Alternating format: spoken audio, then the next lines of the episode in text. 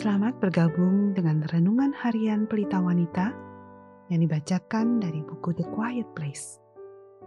Pembacaan Alkitab hari ini diambil dari 1 Tesalonika 5 ayat 12 sampai 22. Kami minta kepadamu saudara-saudara supaya kamu menghormati mereka yang bekerja keras di antara kamu, yang memimpin kamu dalam Tuhan, dan yang menegur kamu, dan supaya kamu sungguh-sungguh menjunjung mereka dalam kasih karena pekerjaan mereka. Hiduplah selalu dalam damai seorang dengan yang lain. Kami juga menasihati kamu, saudara-saudara. Tegurlah mereka yang hidup dengan tidak tertib. Hiburlah mereka yang tawar hati. Belalah mereka yang lemah.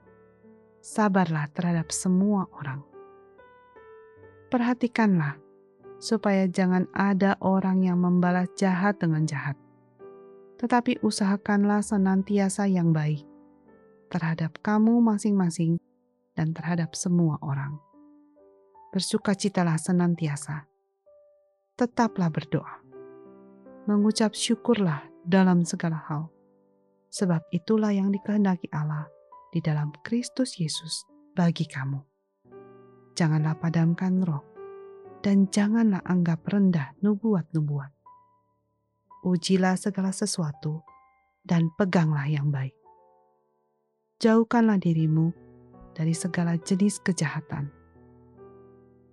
Ayat kunci hari ini adalah dari 1 Tesalonika 5 ayat 17. Tetaplah berdoa doa yang penuh dengan ucapan syukur.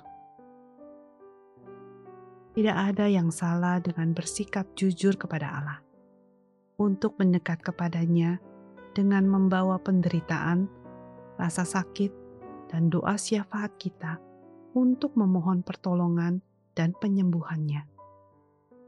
Tetapi doa selayaknya bukan hanya meminta, doa juga sarana untuk menyembah dan menyampaikan rasa syukur kita kepada Allah. Dan sampai kita bisa memiliki interaksi dengannya yang lebih dari sekedar daftar penderitaan dan kebutuhan kita, kita akan kehilangan arti dari hubungan kita dengan Allah yang seharusnya. Coba pikirkan keseluruhan susunan doa Anda. Apakah doa tersebut tidak seimbang dan lebih menitik beratkan pada permintaan dan permohonan? Apakah doa Anda penuh dengan keluh kesah tentang kondisi atau keadaan Anda saat ini? Bagaimana jika di saat Anda benar-benar membutuhkan campur tangan Allah, Anda berhati-hati dalam merangkai doa Anda dengan ucapan syukur? Bukan sebagai cara sia-sia tentunya untuk memanipulasi kebaikannya, tetapi karena didorong oleh kesadaran Anda yang mengakui bahwa hanya karena kasih dan anugerahnya, Anda masih bisa merasakan anugerah dan berkatnya di tengah penderitaan Anda. Ini adalah pertanyaan penting yang harus ditanyakan pada diri kita. Bukan untuk menghalangi kejujuran atau untuk menyangkal kenyataan, tapi untuk melatih hati kita melihat tantangan kekhawatiran kita dalam konteks kebaikan Allah. Kita begitu rentan untuk membiarkan masalah kita menutupi pengakuan kita atas kebaikannya.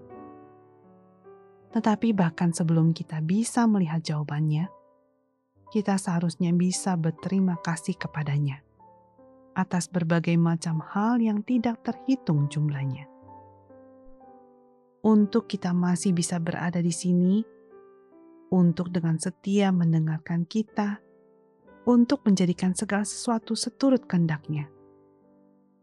Sama seperti saat kita sangat spesifik dan sepenuh hati bersungguh-sungguh dalam menaikkan permohonan dan doa syafaat kita.